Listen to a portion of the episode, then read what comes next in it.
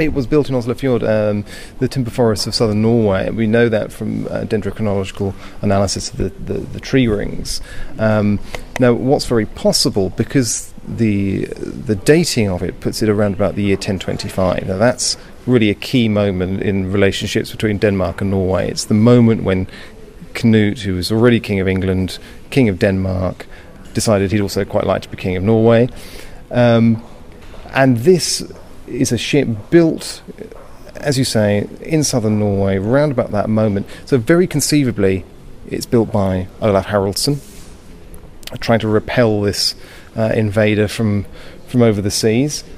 Or it's exactly the sort of thing you do, having been successful in your, your takeover of Norway. Um, you cut down the royal timber forests and build the biggest ship anyone's ever seen as a statement that you've arrived and you mean business. So could be either of them, but, but I think it's a really significant fact that it's built in Norway.